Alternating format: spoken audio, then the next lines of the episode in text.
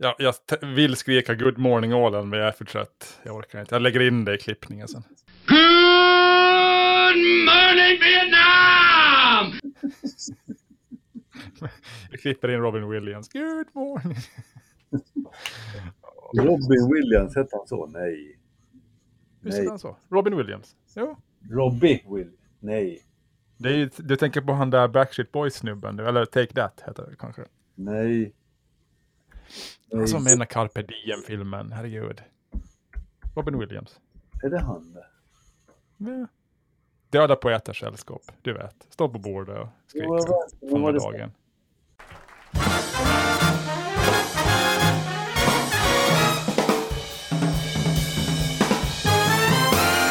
Då säger vi välkomna till avsnitt 31 av podden Ålands Handel som spelas in en tidig morgon eh, den 8 juni 2021. Eh, jag heter Fredrik Rosenqvist och sitter i Finström och med mig från Mariehamn har jag Jörgen Pettersson. Hur är läget med dig Jörgen?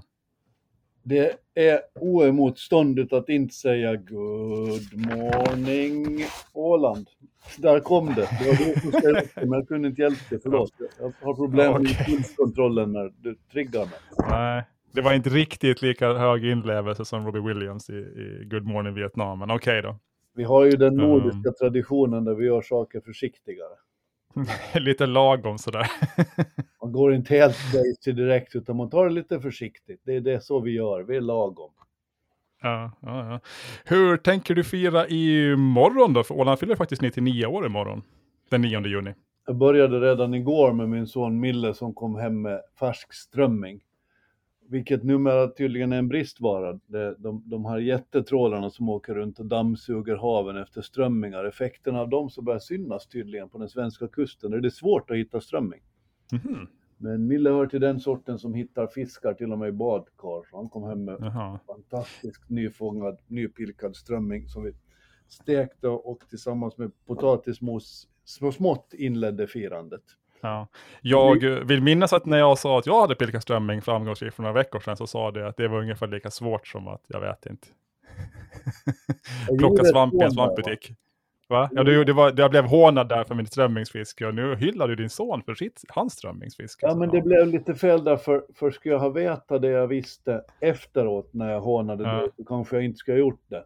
Nej, För nej det, var, precis. det är ju sådär med, med information, att det man inte vet så vet man inte. Mm, nej, nej. efter Det så läste jag på om det här med strömmingsdöden och den är Mm. ganska hemsk egentligen. Så jag tar tillbaks, kanske inte allt det jag sa åt dig, men en del.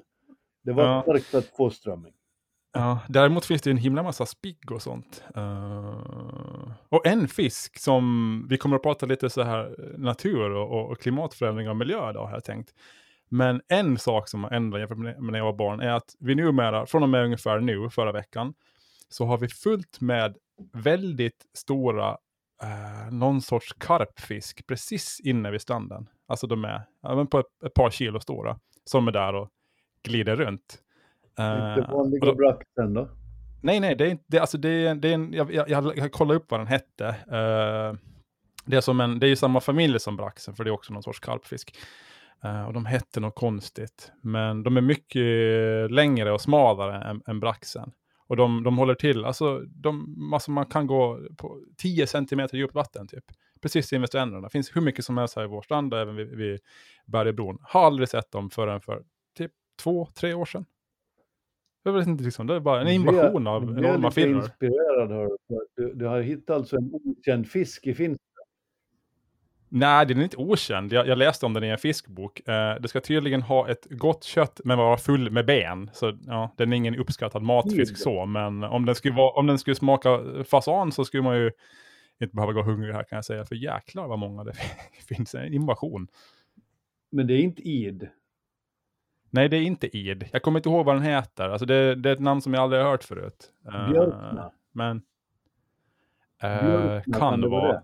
Det? Det kan vara, men jag måste kolla upp det här till nästa gång. Det här borde jag ha googlat på innan. Jag kan ju googla på det gång när det? du har en långrandig utläggning och någonting ointressant. Då ska jag googla på vad det är för fisk. Hemliga fiskar i Finström, det är, det inte så. Ja, hemliga fiskar i Finström. Uh, ska inte fråga mig hur jag tänker fira 9 juni då? Ja, men jag var inte riktigt klar med mitt ännu. Jaha, okej, förlåt. Fortsätt. Hur ska du fira 9 juni? Du berättade ju om ditt strömmingsäteri där. Men hur, vad tänker du göra imorgon? Ja, men imorgon blir det nog att gå runt och mingla lite. Jag tycker det är en fint initiativ som man har gjort där man försöker eh, inspirera till picknick. Ja. Och att man ska eh, gynna de lokala eh, restaurangerna och, och köpa något gott och Mm. gå ut och sitta och, och helt enkelt njuta i vimlet. Det är vad jag kommer att göra Ja. imorgon. Jag har, jag är ju så här, har, har lite kontrollbehov om du, om du aldrig har märkt det innan. Oj, no shit. Wow. Nej, så, jag läste om det där, att man ska gå och köpa en, en, en, en picknickkorg eh, då, eller vad, vad man kan kalla det, på en lokal restaurang. Och så ska man ha en picknick. Men det stod inte var man ska sätta sig. Och, jag, och det blev jag jättenervös av. Just det, att det, Man lämnar, vill ju ha en angiven plats, tänker jag. det där är som Sen i att- när de skriver att man ska steka tills någonting är gyllenbrunt. Vackert Ja. gyllenbrunt. Det, Mm. det, det, Nej, men det- lyssnar jag på. Hur vet Ja, man det är ju så här, man är ju nordeuropé liksom av en orsak. Man, när man, inte, man vill ju ha så här, okej det ska sitta där, exakt. Om man är mer sydeuropé, då är det så här, picknick, då sitter man bara precis var man vill. Nu är det så här, ja det känns lite läskigt det här. Så att, ja. Håller med, det där borde de ha tänkt på. Men hur tänker Ja. du fira det nu när du ändå ställt frågan?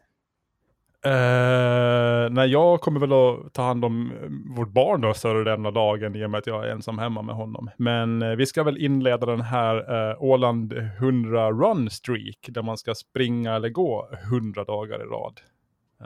Den har gått ska- mig förbi, var har den marknadsförts? Jag har väl sett den på Facebook tror jag. Ehm, det är Ålands motionsförbund och så. Man får hämta ut kalendern från och med idag där man ska fylla i då att man har sprungit eller gått eh, minst, jag tror det var en kvart varje dag. I 100 dagar i sträck. Är det en Ja. app? Eller det? Nej, det, man ska gå ut och hämta ett fysiskt papper och fylla i med en Wow, penna. Med penna? Alltså, det, jag tänker att det här borde tilltala dig som är en sån här ivrig promenerare också.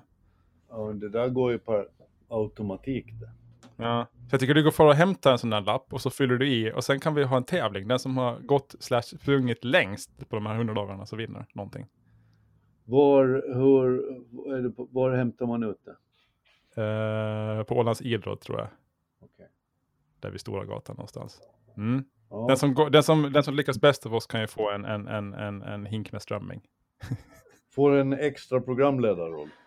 Får en extra programledarroll. Ja. Perfekt. Ja. En, sak, du vet, en sak som jag har hört på stan de senaste dagarna som jag måste bolla med dig, du som har koll. Eh, för det här är jag nyfiken på. Uh, hittills har det väl sagts att bokningsläge inför sommaren på rederierna har inte varit något särskilt. Uh, lite bättre än i fjol, men, men ingen sån här uh, skriva hem om. Det var åtminstone det man sa för några veckor sedan. Nu fick jag höra samma, på samma dag, jag tror det var tre gånger, att det är uh, ett jäkla tryck från Finland nu på bokningar på, på att åka båt hit. För att folk vill komma hit och spela golf. Ja. Eh, de har sett ett enormt uppsving i bokningarna. eh, och att det är väldigt mycket turister som kommer komma hit från Finland. Inte minst för att spela på den här nya slottsbanan. Som märker att de får in jättemycket bokningar. Och folk ska spela discgolf och sådär. Så jag undrar, har du hört samma sak? Att det är eh, en invasion på gång? Eller är det jag, jag som har bara haft otur och fått prata med folk som inte har koll senaste veckan? Nej, de har koll. De har koll. Jag baserar det på lite olika saker. Dels så har jag sett på, på statistik, alltså Google-statistik över vad man söker på för någonting. Och där är Mm. discgolf någonting som är helt i, i, i särklass. Mm. Det är egentligen bara IFK Mariehamn som brukar dra till sig större intresse Mm. på Google-sökningar än discgolf Mm. just nu på Åland. Och den vanliga golfen så har jag en annan son som är ivrig golfare. Eh, och, och därifrån kommer rapporter om att det är faktiskt smockfullt på banorna just nu. Ja, det är precis det jag har hört också, att det är inför sommaren så har de fått alltså, enormt antal bokningar. Och det är kanske inte så konstigt, för att vi skrev ju i, i Ålands Handel, när var det, i höstas, om den här nya slottsbanan och hur jäkla bra recensioner har fått från alla, att alla vill komma hit och spela. Den öppnade ju i fjol, eh, då var det lite krångligt att komma hit, men nu har ju fler upptäckt Åland och, och, och känner sig tror jag, ganska trygga med att resa hit, så att ja, vi får se, det kanske blir en ganska bra turistsommar det här, after all. Jag tror att mycket tyder på det alltså. Också de, de olika skärgårdskommunerna så har, har röner ett stort intresse för ögonblicket. Man Mm. märker att det finns en vilja ifrån Finland att komma hit och det är inte så konstigt. Finland är ändå ett stort land, det bor fem miljoner människor där. Det bor fem miljoner människor där. Ja, så, Och och vill jag och pratade med en, någonting efter pandemin menar. Ja, och jag pratade med en från Finland eh, förra veckan. Som sa just det här med att det var fjolåret gjorde nog att många i Finland fick upp ögonen för Åland. Eh, som man inte har fått tidigare, alltså på ett helt annat sätt. Och nu vill man åka utomlands inom citationstecken och då är det Åland som gäller. Eh, så man såg ju bra effekt i fjol, men jag tror den riktiga effekten kan komma i år. Det tror jag Så- också. Det där ser man ju nog på tydligast kanske på rederiernas vilja att komma hit med dagskryssningar. Mm. Så det ska bli spännande att se hur det blir. Den här sommaren kanske inte blir så dålig och sen när pandemin är över så kanske vi har ett bättre läge än vi hade innan pandemin. Så att ja, det finns hopp ändå. Det är sådär man ska det är sådär man gör när man litar på livet. Mm. Och sen funderar jag på, nu, nu är det helt omöjligt att hänga med vad som krävs för att få resa hit från Sverige. Jag vet. Man ska typ ha ett vaccinationsintyg eller ett intyg att man har haft eh, corona, alltså covid-19. Jo, Eh, så är det ja. precis och det gäller från och med idag faktiskt. Mm. Och då kan man ju säga det så här, aj vad jobbigt, det här, ingen kommer att komma hit för det är alldeles för besvärligt att man ska ha intyg på att man är frisk och sådär. Men å andra sidan, det är väl typ en miljon människor i Sverige som har haft covid-19. Samtidigt som, nu vet inte jag hur många som har fått båda vaccindoser i Sverige, men det är ganska många det också. Så nu höftar jag, vad kan det röra sig om? Jag vill säga att två miljoner människor har haft covid-19 eller har fått vaccin. Det är ganska många som kan komma hit ändå, och speciellt i och med att Stockholmsregionen har varit hårdast drabbat. Så det är ju ganska många som, eller väldigt, väldigt många svenskar som får komma hit, om de vill. Och det där, Så det är ju, det där ser man redan, alltså de håller på att förbereda nu på att det kommer till bli rätt mycket folk som åker på båtarna också. mm, så, nej men det, ja det ska bli väldigt spännande att, att se hur det blir i sommar. Mm. Något de får tampas med, turisterna, när de kommer hit, är bålgetingar. Vad har du för relation till bålgetingar och vad kan du om bålgetingar? Jag, jag, jag kan ingenting. Jag, jag, jag Nej. försökte häromdagen att lära mig mer om bi och biodling.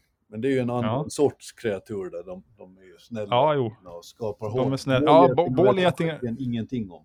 Nej, då ska jag berätta det. Jag vet heller väldigt, jag vet också väldigt lite om dem. Men till saken hör att för, eh, jag tror det var tre år sedan, så såg vi en enorm geting här ute i Finström. Och blev så här, och vad, vad är det här? Alltså den, jag har läst att de ska vara dubbelt större än vanliga getingar, men de ser tio gånger större ut. Alltså de är verkligen jättestora. Alltså en av de största insekterna jag har sett på Åland. Fast en geting då. Uh, och då kollade vi upp det här och det var tydligen då en, en bålgeting som är Europas största getingsort. Och då tänkte man så här, oj det var ju lite exotiskt att se en sån, för jag, under mina 40 år på Åland har jag aldrig sett en bålgeting. Jag har sett i Spanien, uh, och då blev ju halvt livrädd. Um, förra sommaren så såg vi kanske 100 bålgetingar. Och vi hade ett, även ett bålgetingbo precis i närheten av stugan. Uh, och hittills i år har jag sett en bålgeting varje dag. I princip. Eh, jag hade en i bastun häromdagen när jag skulle bada och igår var det en på terrassen och de är överallt. Är det bara jag som har en invasion av bålgetingar hos mig? Varför pratar ingen om det här? Jag har aldrig hört talas om det alltså. Jag Nej, men tror det är helt sjukt. Alltså jag tänker så här att om... Är inte där de där sådana om man springer över, nej det är jordgetingar som är typ livsfarliga. Ja, jordgetingar är, tror jag de facto, vanliga getingar som har byggt bo i jorden. Och om du trampar på ett getingbo så blir de väldigt, väldigt arga. Och det är oavsett om det är nere i marken eller uppe under, under liksom taknocken. Eh, om du slår på ett bo så blir de jättearga. Bålgetingarna är fantastiskt stora, men de ska vara väldigt snälla. De bryr sig inte om en egentligen. Men det känns ju ändå lite, lite läskigt när de är så enorma. Um, men jag blir så förvånad att det är liksom det är ingen som, tidning som skriver om det här, ingen radio rapporterar inte om det, ingen, ingen pratar om bålgetingar och här sitter jag helt omringad av enorma getingar som är liksom ett helt nytt inslag i, i, i faunan. Om man forskar men- så står det att de försvann i Finland som art på 1940-talet. Ja, Och dess förekomst har varit akut hotad, men sedan 1990-talet så har förekomsten ökat i södra och sydöstra Finland. ja. Och tydligen så är då Bergö i Finström liksom högborgen för bålgetingar i Finland, vad det verkar. Det Jag har även läst att de trivs väldigt bra i eh, skogar där det finns gamla ekar, eller ekar överlag. Och Berge måste ju vara den ektätaste platsen på hela Åland. Alltså varannat träd här är ju en ek i princip. Det finns hur mycket ekar som helst, så jag tänker kanske att det är därför. Men eh, det är också en sån här grej med alltså, klimatförändringarna, att man, man märker dels konstiga fiskar som kommer vid stranden, dels enorma getingar som mitt i allt börjar frodas. Och det kanske är ingenting dåligt, jag vet inte. Det är väl bra då om de, de gör väl säkert någon nytta, men jag tror de, är de inte en art som trivs mer söderut? Alltså så här, med Nej, det är det inte, men precis Nej. på den breddgrad de ska vara. Och Ja, ja, är väl etablerad får man också lära sig. Den heter Vespa crabro för övrigt Ja. på latin. Ja, ja, ja. Från auktorn eh, Linné själv. Okej. där, Det är nästan som att gå tillbaka till darwinismen. Mm. Ja, så om ni stadsbor och turister och sånt vill eh, komma på bålgetingssafari så kan jag rekommendera en tur ut hit till, till det riktiga Åland där det finns. Den är dessutom en, eh, beskrivs som en förhållandevis lugn geting som sällan attackerar människor. Kanske man skulle kunna nej, men- tämja dem? Går det? Jo, men de är väldigt lugna, men de är så stora. Det är sådär, ja, man... Mm. Den kan stickas flera gånger dessutom. Jag fick ju lära mig förr att eh, när de har stickt en gång så tappar de gadden och så dör de, men så är det inte. Nej, fast det är bin. Bin tappar gadden. Getingar gör inte det. Getingar kan också sticka det flera gånger. Och så är de eh, Smålands landskapsinsekt. Småland och Åland, det, det, det där verkar ju inte vara en slump. Nej. Nej. Småland och Åland och Polen och Holland, de brukar vara lite sammanblandade. När jag pluggar utomlands bara, where are you from? Åland? Oh yes, Poland! Nej, Åland, alltså. Ja. Jo, jo, jo, Polen. ja. Har du märkt några nya arter som har börjat terrorisera dig i vardagen där ute på Jo, Klinten? det eller var har jag. Ja. Fast det, det är svårt att säga. Jag hade ju en spaning om dagmaskarna förut som gick upp Ja, just det. vägen som tar liv av sig Ja. efter regn. Nu, Ja, fast det har de gjort så länge jag minns. Det finns fler gråsuggor än jag någonsin har sett tidigare. På vägarna, gråsuggor går på vägarna. Det har jag inte, det har jag inte lagt märke till förr. ja, men det har jag nog också. Gråsuggor när du säger har jag det. läst att gråsuggor lär vara de som tillsammans med Keith Richard kommer till överleva när allt annat är över. Aha. Keith Richards grås... Är de släkt med kackerlackor alltså? De ser lite kackerlackiga ut. Ja, men de ser läskiga ut. De, ser lite, de är små. De ser läskiga att titta i det. De ser väldigt oförargliga ut kanske. Men det finns Ja, väldigt men mycket det- av dem just nu. Ja, men jag har noterat det själv, för i mitt växthus, så, i fjol så hade vi inga gråsuggor där, men nu är det så här, om man ställer ner någonting, en kruka, eh, en dag i växthuset, så lyfter man upp den, då är det hundra gråsuggor där under. De är överallt. När du säger det så, så har jag faktiskt också tänkt, märkt det. Undrar om Hmm. det är någonting som är att lasta det till pandemin är kanske att ta i, men någonting är det som har hänt. Ja, det är no- någonting i görningen. Bålgetingar, gråsuggor och konstiga karpfiskar. Det här känns inget bra. Det är mycket just nu vi måste byta. Måste Vi måste byta ämne. uh, fartygsresor till Finland. Eh, vad gäller där? Eh, blir tillåtna snart. Ja, men de är alltså då, det är från och med idag egentligen som man nu har kommit till att man ska godkänna coronavaccinationsintyg av den första dosen eller intyg över ett negativt coronatestresultat. Okej. Och det där nu så hoppas man alltså kunna sätta fart på resandet. Mm. Att bedriva rederiverksamhet när ingen får resa, det är rätt jobbigt. Ja, nej, det är ju ingen höjdare. Så nu hoppas man att det här ska sätta fart på, på det hela igen. Och, och det, det kan vi alla förena oss i. Det kommer allt, med allt fler larmrapporter från branschen. Rederierna, hela reseindustrin skrev ett öppet brev till finska regeringen förra veckan. Sjömansunionen och arbetstagarorganisationerna har gått ut hårt och sagt att om ingenting nu händer så kommer det här till sluta riktigt illa. Så vi måste få igång resandet och vi måste få igång det nu. Och det är jätteviktigt. Mm. Ja. Uh, men jag tror säkert det kommer att komma igång. Eh, Ja, men jag tror Eller? också det faktiskt. För folks vilja att upptäcka kommer inte att försvinna av en pandemi.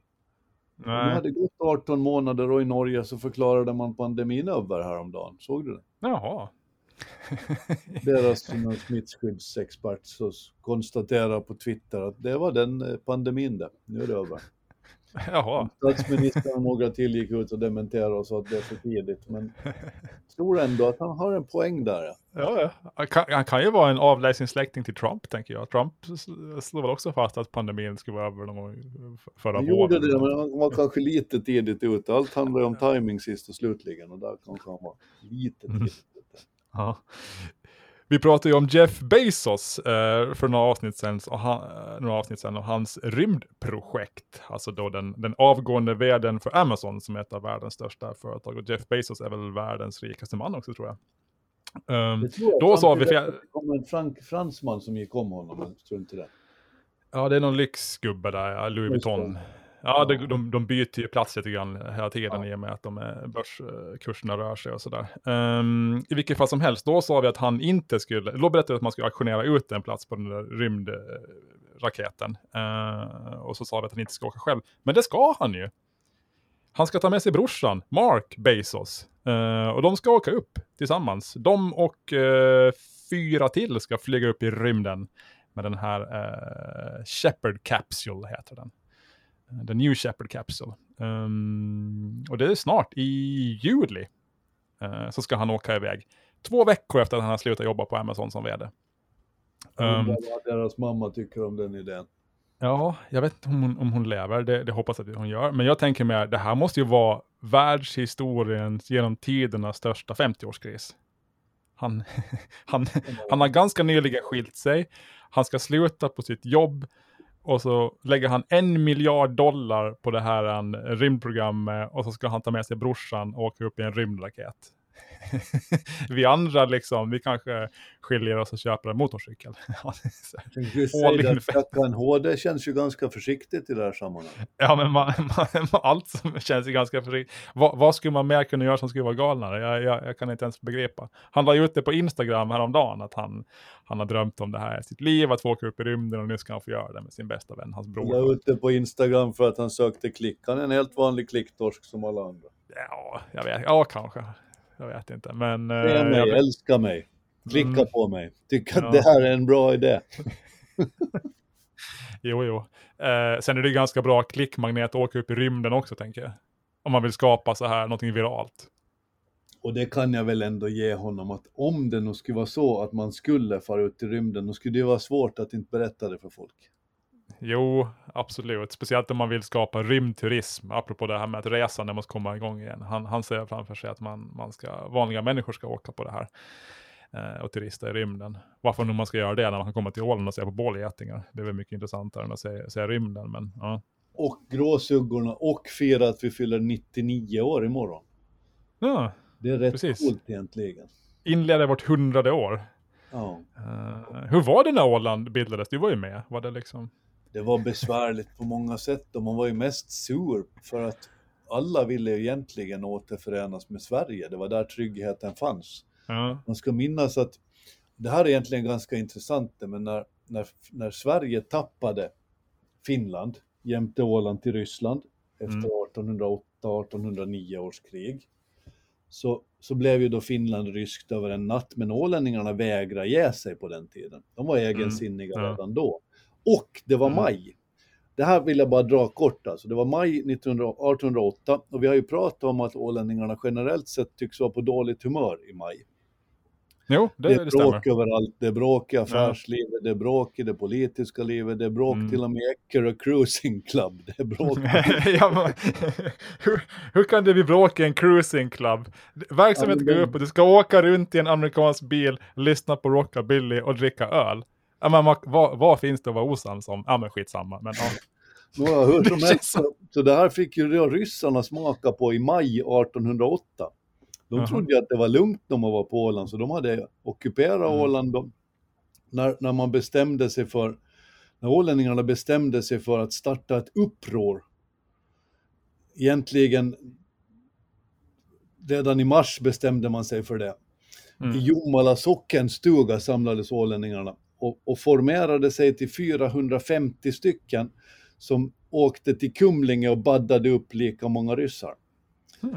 Kumlingeslaget kallades det här för och det var ett tecken på hur otroligt lacka ålänningarna var på ryssarna på den här tiden.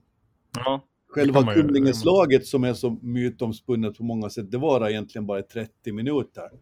Mm. Men det var åländska bönder, fiskare och drängar från, faktiskt från Finström. Klart de var med där det var bråk. Mm, Jomala, Sund och Kumlinge. Och de tillfångatog hela den här ryska hären Ja. efter att ha slagit ihjäl en och såra åtta. Ja. Det är en Jag är inte fantastisk historia egentligen. Sen kom ju ryssarna tillbaka och och var ännu lite argare och då gick det på tok och sen Mm. varade den ryska tiden ända fram till Bomarsund sprängdes. Ja. Men det här var kanske det första, eh, första tecknet på den, det, det, det, det, usla holländska humöret eh, om våren. Och nu är det väl Ja. ännu värre när de har tagit bort vårjakten så det här kommer vi tvingas hantera dåligt åländskt eh, humör. ja, men du vet att det är juni nu, det är, det är juni nu så snart lättar det. Det borde bli lätta småningom nu. Ja. Jag, jag hörde Men på faktiskt... Kumlinge så en- finns faktiskt en sten på Fälberget där man kan gå och titta på det här. Som restes till Mm. minne av Kumlingeslaget, som var en stor grej på den tiden. Mm. Jag gillar ju så här kontrafaktisk historia, för det är roligt att fundera på vad skulle ha hänt om och så vidare. Och jag hörde någon, jag tror, det kan hända att det var Kenneth Gustafsson som är den främsta experten på åländsk eh, historia, får man väl ändå säga. Um, Jag tror det var han som berättade det, men det kan ha varit någon annan. Men i vilket fall som helst så, det var ju egentligen en ren slump att Åland uh, råkade åka med Finland in i det, det ryska imperiet där. För de, när kriget var slut så, så avgjordes det att Åland skulle hänga med till Ryssland tack vare att ryssarna befann sig här just då. Men de skulle lika väl ha kunnat befinna sig på Gotland. Um, så det skulle kunna blivit så att Åland skulle tillhört Sverige och Gotland skulle tillhört alltså Finland idag då.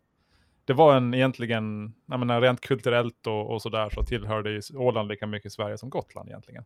Så det var ja, men, en ren slump att det blev som det blev. Och det är lite så här uh, hisnande att tänka på. Att, ja, vad ska ha hänt om ryssarna skulle befinna sig på Gotland där istället?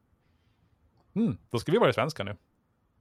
Ja, ja sånt har jag läst några gånger om den där formen av romaner. Det har gjorts ganska många kring andra världskriget. Vad skulle ha hänt om? Ja.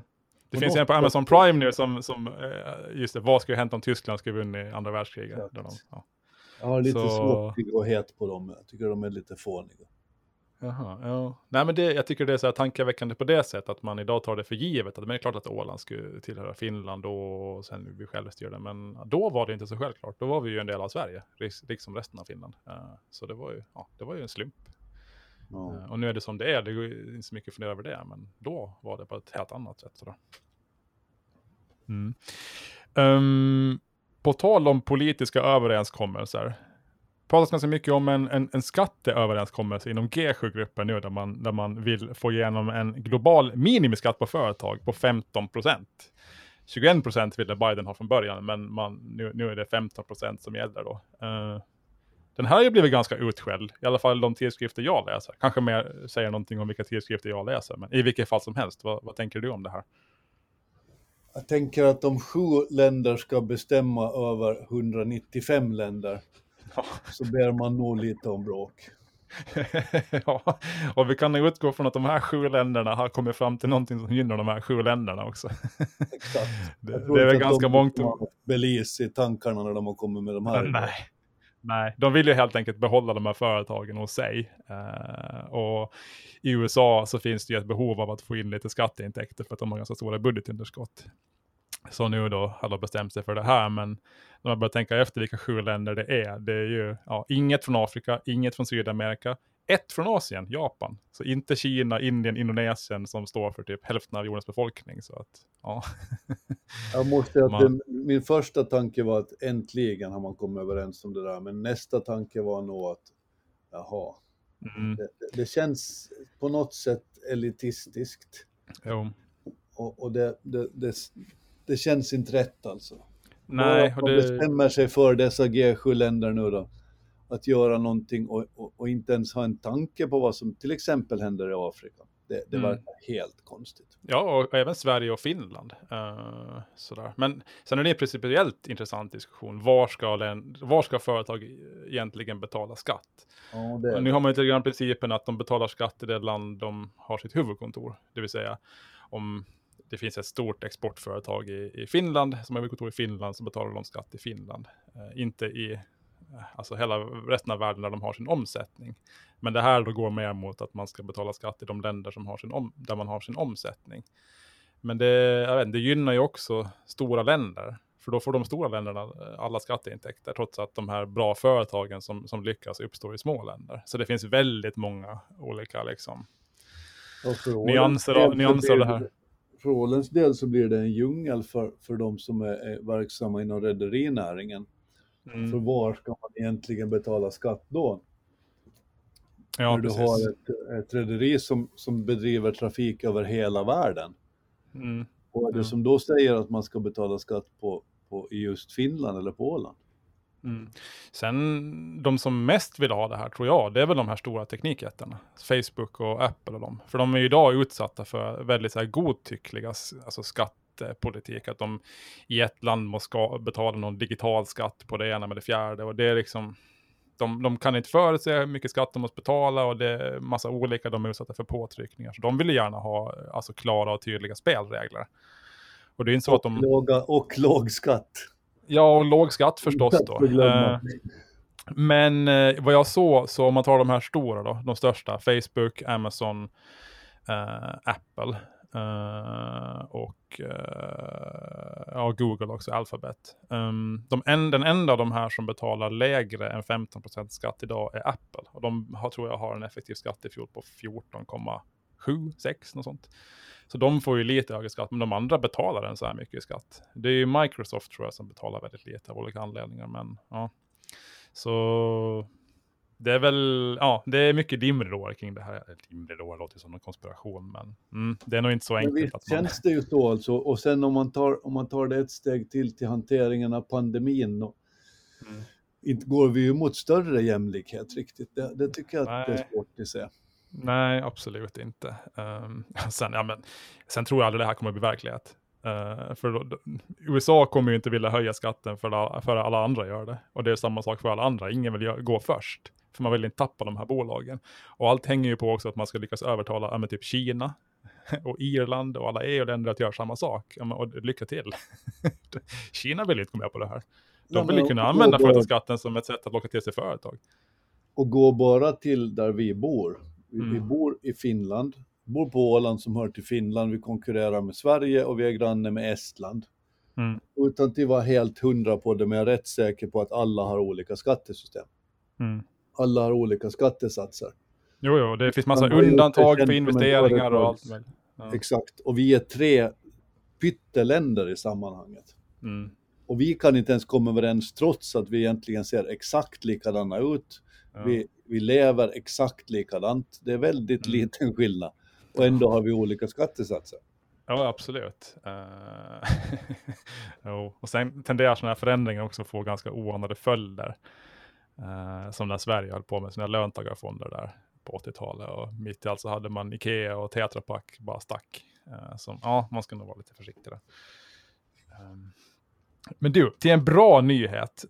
En nyhet som på riktigt gjorde mig eh, jätteglad när jag såg den. Och när jag läste mer om den så, så blev jag ännu gladare. Och det är att FDA, Läke Läkemedelsverket i, i USA, har godkänt för första gången på nästan 20 år en ny Alzheimer-medicin. Um, eh, medicinen har ett helt omöjligt namn. Aducanumab, eller något sånt. Um, och Precis så heter den. Aducanumab. Ja, och det har, det har varit ganska mycket debatt om den här kommer att godkännas eller inte, för man har varit lite osäker på, på hur, hur bra effekterna av den har varit och sådär. Men nu har man ju kommit fram till att den, den, den ska godkännas. Och det här är en enorm milstolpe, för det, vet inte, de upptäckte väl Alzheimer, alltså nu har jag inte årtal i huvudet, men det var över hundra år sedan. Alltså början på 1900-talet tror jag. Um, och en i, liksom, i den här över hundra 100 år långa perioden har man fortfarande inte lyckats ta fram en enda eh, medicin eller behandling som bromsar själva sjukdomsförloppet eller, eller, eller, eh, inte ens bo, alltså, eller botar Alzheimer. Man har inte lyckats komma fram till en enda medicin. Man har lyckats komma fram till mediciner som kan mildra symptomen. Man har inte kommit fram till en enda medicin som, som stoppar eller bromsar sjukdomsförloppet. På över 100 år av forskning. Eh, och det här är det första eh, godkända medicinen som lyckas med det här. Det är ju, där snackar vi breakthrough alltså. Man har hållit på med någonting över 100 år och nu, äntligen, eh, vad det verkar, så har man hittat ett sätt att, att bromsa den här sjukdomen. Eh, och nu har. Det där är väldigt goda nyheter. Alltså Ja. Alzheimer är, har jag ju lyckan att aldrig ha haft en jättenära in på mig. Mm. Det är ju Nej.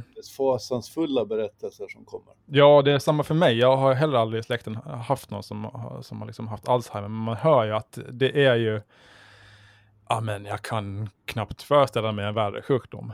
Uh, och de det har ju gjort så mycket försök. Ja, de tynar bort och det är så hemskt att man knappt vågar prata om det, eller vill prata om det. Men att man nu äntligen gör framsteg, uh, alltså det är så, så bra. Och man, man, man ser även nu då att de kommer att bli nerringda och det kommer att bli en, en, en rusning efter den här medicinen. Då. Som tydligen ska vara ganska krånglig. Det är inga tablettformer utan man ska få så här dagliga eller veckovisa injektioner eller någonting tror jag. Och sen vet man ju fortfarande inte riktigt hur, hur effektiv den här kommer att vara. Det kan fortfarande bli så att den tillståndet dras tillbaks, men det är ju ändå ett stort, stort framsteg. Um, så det Kostnaden nog... för en behandling är ju heller ingen, eh, ingenting man skojar bort. Nej, nej, absolut inte. Sen är det väl så knappast så att den, det är den enskilda som, som får bära eh, kostnaden. Men ja, förhoppningsvis kommer det väl fler framsteg nu då. Så. Man uppskattar en behandling till mellan 30 och 50 000 dollar för ett år. Mm. Jo, jo. Vilket Nej, ju det, är ett billigt pris ifall man får behålla hälsan. jo, jag tror det, alltså många, många allvarliga sjukdomar har ju väldigt hög kostnad. Sen är det ju sällan man, eller aldrig en själv som betalar dem där då, om man inte råkar bo i ett sånt land där man inte har någon offentlig sjukvård. Men, ehm, men det är, man ska ha respekt för de här jäkla sjukdomarna. Så det, och jag tror vi har fortfarande långt kvar att gå inom läkemedels och medicinvetenskapen. Ehm, det är fortfarande rätt få sjukdomar vi har lyckats bota på riktigt. Ehm, Men det där leder ju till den här, det som händer nu kring pandemin, där, där. WHO-chefen nu varnar för att man går in för, för två spår. Mm. Och, och där det faktiskt är, rätt bedrövligt att höginkomstländerna hittills har tagit hand om 44 procent av världens vaccindoser Mm. och låginkomstländerna har nåtts av 0,4 procent. Mm. Alltså 44 procent mot 0,4 procent. Mm. Och det är under då de- dessa sex månader som, som har gått sedan man började portionera ut detta vaccin. Ja. Det känns rätt visset tycker jag. Ja, och det speciellt i och med att alla visste att det skulle bli så här från början. Man såg ju det. Exakt. Eh, De delarna av världen som, där det finns pengar och framförallt där de vaccinerna tas fram och tillverkas, det är dit vaccinerna går. Så därför är jag, eh, sagt det förut, jag är glad när man skänker vaccin från, från Finland och EU till tredje världen, eller vad man ska kalla den för. Um, för att vi sitter ju som sagt alla i samma båt. De här mutationerna uppstår ju på platser där folk, många insjuknar och tillåts vara sjuka länge. Det är där de får, får fotfäste, de här nya virusvarianterna. Och de kommer ju hit då förr eller senare. Och mitt i allt så uppstår det en ny variant som våra vaccin inte biter på. Och då sitter vi själva på botten. Så att, Nu Den här pandemin är först över. Lita på livet, kom ihåg det nu. jo, jo. Har inte ner oss för allting som vi har. Men vi kan bara Nej. konstatera att det är knäppt. Och Ja, det är knäppt. dagens kuggfråga, vet du vad WHO-chefen heter? Uh, WHO-chefen, vad han heter? Nej, det borde man kanske veta. Han har väl uttalat sig, om de inte har bytt kanske. Nej, jag har faktiskt ingen aning. Tedros Adhanom Ghebreyesus. Okej, då tänkte jag att han var grek när du sa hans förnamn, men nu har jag faktiskt ingen aning var han kommer ifrån. Det, jag vet inte om det är en han eller en hon heller faktiskt. Okej, eh, Tedros låter ju som en, en grekisk man. Eh, Adhanom, det kan vara precis vad som helst. det kan vara precis vad som helst. Gebreyesus låter som Mm. från Etiopien. Ja. Nej, men min poäng var väl den att den här kampen mot coronavaccin är inte över när vi alla här har fått vå- våra sprutor. Det är ju när hela världen har fått sina sprutor. Så att det, ja, det gäller ju, gäller ju att, att ligga i så att säga. Ehm, bra, eh, då tror jag vi har kommit fram till veckans hyllningar. Om du inte har något mer på hjärtat. Ja, jag tänkte faktiskt vi Ja. kunde kort ber, be, beröra det här med att, att Google nu ska betala 220 miljoner Ah, euro i det. böter i Frankrike. Nej, Frankrike var läste att man har gynnat sina egna tjänster när man har placerat online-annonser på bekostnad av sina konkurrenter. Och det Mm. Ja. här har man ju sett komma alltså. Mm. När en kropp eller ett företag blir så mäktigt att man till sist förlorar lite verklighetsbegreppet så är jag ganska glad för att det finns konkurrensmyndigheter med lite guts i, Mm. som Ja. faktiskt håller ett öga på det. Mm. Det här nu så, så egentligen det, för länge sedan kommer du ihåg att vi pratade om det som hände i Australien. Ja. När Facebook slutade dela eh, nyhetssajter. När nyhetssajter vägrade låta sig utnyttjas av Facebook. Och nu är det lite samma sak som händer här. Alltså det är tre mediegrupper i Frankrike, USA och Belgien som har då anklagat Google för att utnyttja sin position på marknaden för att marknadsföra sina webbsidor och appar. Det är Mm. precis det där som händer. Vi blir alla i händerna på någonting jätte, jättestort som är helt ogripbart. Ja. Jag önskar jag skulle ha en Mm. bra lösning på det där, men det har jag faktiskt inte. Det är annat än att man kanske ska vara på sin vakt lite. Mm. Jo, och man har ju pratat länge om det här, man väntar ju bara för Frankrike och de kan ju göra lite grann hur de vill och sådär, men det är ju mycket vad som händer i USA som avgör. Om amerikanska myndigheter får för sig att det här är monopol som måste brytas, då går det ju fort. Då bryter man ju upp de här bolagen, och man har gjort det tidigare. Man gjorde det med Microsoft för, ja det behöver bli länge sedan nu, jag kommer knappt ihåg när det var. Och för det så har man ju de här järnvägsmonopolen man har brutit upp. Så amerikanska myndigheter, när de bestämmer sig för att någonting är ett monopol, ett skadligt sånt, så då, då kan det gå, gå hastigt. Och man har ju haft ögonen länge på de här techmonopolen, att när, när ska det eventuellt komma någonting? Eh, och de har ju varit i förhör massor med gånger och sådär. Och det är ju så att det är ett par stycken spelare som dominerar den, den liksom globala marknaden för annonsering online som växer, till skillnad från all annan annonsering. Google har väl Um, de har typ en tredjedel av, av världsmarknaden inom, inom uh, digital marknadsföring online.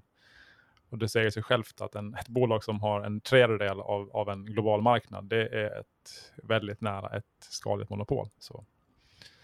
Men Jag um, tycker att vi gör en god tjänst då som ger ut Ålands Handel som åtminstone erbjuder ett alternativ. Ja. Sen är ju alltid liksom, den viktigaste frågan när, när de avgör de här fallen är ju, eh, nu, nu kommer doktor Rosenqvist som är expert på konkurrenslagstiftning här och uttalar sig, men det är ju om de här monopolen är skadliga för konsumenten eller inte. Och det är ju väldigt svårt att hävda att de hittills har varit det. Eh, för vad har Google gett oss? En gratis sökmotor, eh, YouTube, där du kan kolla på filmer gratis, eller videoklipp gratis. Facebook, du kan använda alltså kommunikation och och hålla kontakt med dina vänner och skapa evenemang återigen helt gratis. Så det är ju svårt att hävda att vi konsumenter blir skinnade och lurade av de här, utan det är ju snarare så att de tar en stor marknadsandel av andra.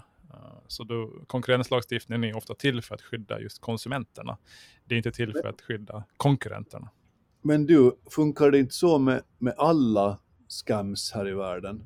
Att du begriper att du är lurad först när det redan är för sent? Mm. Det är väl det som är den här, och nu tar jag på mig foliehatten lite. Att så där tror jag i stort sett alla bedrägerier har börjat på något sätt. Okej. Man säger att man gör någonting bra och det här är för ert eget bästa och ta det lugnt nu bara, det är gratis och bla bla bla. Mm. Och sen plötsligt så märker man att nej men det var verkligen inte riktigt på det där viset. Ja. Kanske tänker du då? Jag är lite Ja. osäker, jag har inte riktigt tänkt färdigt den där tanken, det är lite tidigt än så länge. Du känner, dig, du känner dig lurad när du tittar på YouTube? Att du har blir inte Jag har ju svårt att säga det. det, det. Jag tänker så här, det här måste vara för bra för att vara sant. Mm. Ja. Och, och, och då, då, blir, den, då blir följden, följden att ja, men, kanske det är för bra för att vara sant. Ja. Men tänk om det inte är det, tänk om det bara är bra. Ja. Nej, men det är ju en scam i, i, i någon mening. Jag använder alla deras produkter, allt. Och jag är Ja. jättenöjd med det, det är inte fråga om det. Ja, men alltså så här, Google Drive och alltså, allt möjligt. Tänk, tänk ett liv utan YouTube. Man ska ju knappt klara sig. Ja. När man vill googla på, ja, men hur såg det ut när Djurgården vann SM-guld nu då? Jag vill uppleva det igen. Då går man in på YouTube. Hur ska man annars göra? Det är omöjligt. Nej, det är sant. Men då hade man Så. sitt eget minne att, att tänk om det, det, det, tyn, det får hjärnan din att tyna bort. Mm. Du Ja. inte längre måste upprätthålla dina egna minnesbankar utan det är bara, nej men Mm. skit, jag inte kommer ihåg någonting, går till YouTube. Ja. Nej, de här diskussionerna runt middagsborden har ju blivit ganska torftiga också tack vare, eller på grund av Google. När man, eh, för diskussionerna handlar ju ofta, handlar ju ofta om att man är o, o, liksom oense om, ett, om någon viss fakta. Vem var det nu egentligen som vann Franska öppna 1989? Var det ja, någon Stefan Edberg eller Mats Wilander? Och så kan man sitta och gagga om det där i en halvtimme. Nu blir det alltid så att, nej men vi googlar det, så är diskussionen slut sen. Exakt, så fort man har fått igång den minsta lilla höjd i debatten Ja. så kommer en lirare och säger, nej men nu vet jag hur det är. Ja, precis. Men det har jag märkt bland mina kompisar att alla bara suckar tungt då och tänker att, ja men kom igen nu. Mm. Låt Ja. oss få strida lite först en stund innan det här. Ja, nej. Så man måste åtminstone hålla på en halvtimme och spekulera innan man får googla helt enkelt. Exakt, Mm. Och man kan också, som en kompis sa häromdagen, om man har etablerat sina positioner, att man, man vet var man har varandra. Att jag har sagt Mm. att den var svart och du har sagt att den var vit. Mm. Då kan man möjligen gå och få en slags utslag till sist. Ja. Men inte innan man verkligen har bestämt sig för vad man tycker. Då är det. Oj, oj, oj. Vi måste upprätthålla ett friskt debattklimat och det får inte Google förstöra. Det är kanske det det håller på att göra. Nej, nej, alltså det, det, den största fienden mot ett friskt debattklimat är ju fakta. Ja, ja, det är precis det. Ja. Tänk vad tråkigt det skulle vara. Ja, vad finns det då att debattera om, om alla fakta är kända? Nej, värdelöst. Ja. Mm. Nu är det dags för veckans hyllningar. Vem vill du, du hylla? Idag på kanten till att vi inleder vårt 100-årsjubileum så tänker jag hylla alla åländska sjömän och de redare som har gjort så mycket för detta landskap. Och det där glömmer man bort ibland, men under det senaste året så har de fått utmanats på ett sätt som man aldrig tidigare har sett. Några, många av dem har förlorat sina jobb till följd av pandemin, att folk inte längre får åka. Andra har fått eh, genomlida årslånga arbetspass för att de inte har kunnat byta. Och de har kämpat på. Vissa har förlorat sina arbeten på grund av att rederierna har gått i konken, andra har hittat nya någon annanstans. Och ständigt pågår det här eh, sökandet efter nya kneg runt om i precis hela världen. Och de gör det här utan att det syns särskilt mycket. De jobbar sina turer, de kommer hem, de lever sina liv, de tjänar sina pengar, de betalar sina skatter, de köper sina tjänster. Och det här pågår bara. Det bara pågår. Från mitt kontor så sitter jag granne med Gustav Erikssons eh, villan i stan, den med murarna runt om som familjen i tiderna skänkte till landskapet. Den, den är ett talande minne för att folk faktiskt vågade lita på livet och satsa på, på saker som har genererat enorma mängder arbetsplatser och otroligt mycket kapital. Och när jag ser det så tänker jag, det kan ju omöjligt vara över nu. Det kommer att hittas nya saker, sjöfarten kommer att komma tillbaks, men bara så länge som vi orkar fortsätta jobba och sträta på. Så det här är en hyllning till alla dessa sjömän och deras familjer som i det tysta har kämpat på och byggt upp så otroligt mycket som vi kan glädjas åt idag. Punkt och slut. Mm. Oj, oj, den blir svår att toppa. fin hyllning. Um, jag tror jag ändå hyllar någonting som jag pratar om idag. Biogen, det här bolaget som ändå har tagit fram det här Alzheimer-medicinen som nu har, har fått uh, myndigheternas godkännande. Det finns ju få branscher, knappt någon bransch, som är lika utskälld och hatad och nedvärderad som uh, bioteknik och, och, och läkemedelsbolag. Det enda man hör om är att de, ja, men läkemedlen har bieffekter och de skor sig på att sälja dyra mediciner och det ena med det fjärde. Men de gör ju faktiskt ganska mycket gott också. De tar fram mediciner mot hemska sjukdomar som förstör våra liv. Uh, och det hoppas jag att de fortsätter med helt enkelt. Um, man ska minnas att det var många fina bolag som tog fram coronavaccinen jättefort. Bland annat AstraZeneca som tog fram ett vaccin i samarbete med Oxford och sa från början att det här gör vi bara för att hjälpa mänskligheten. Vi kommer inte att ta, tjäna en euro, eh, eller dollar eller pund på det här. Eh, och ändå hade ju rätt i att de fått mest skit då. Eh, för att det har funnits vissa problem med vacciner. Så hyll till Biogen och alla andra bolag som forskar på nya mediciner och vaccin och behandlingar och sånt. Det behövs. Snyggt. Bra. Mm. Bra påminnelse. Allt är inte illa bara för att man pratar GMO. Nej, precis. Ehm, så, då går vi snart in i vårt hundrade år då som uh, självstyrt Örik. Det ska bli spännande. Det ska det bli och vi ser fram emot de nästa hundra åren och firandet imorgon. Ja, de inleds eh, nästa vecka med ett nytt poddavsnitt. Så vi hoppas vi hörs igen då. Det gör vi. Tack för idag och Ha det bra, alla. en fin självstyrelsedag alla. Hej då. Hej.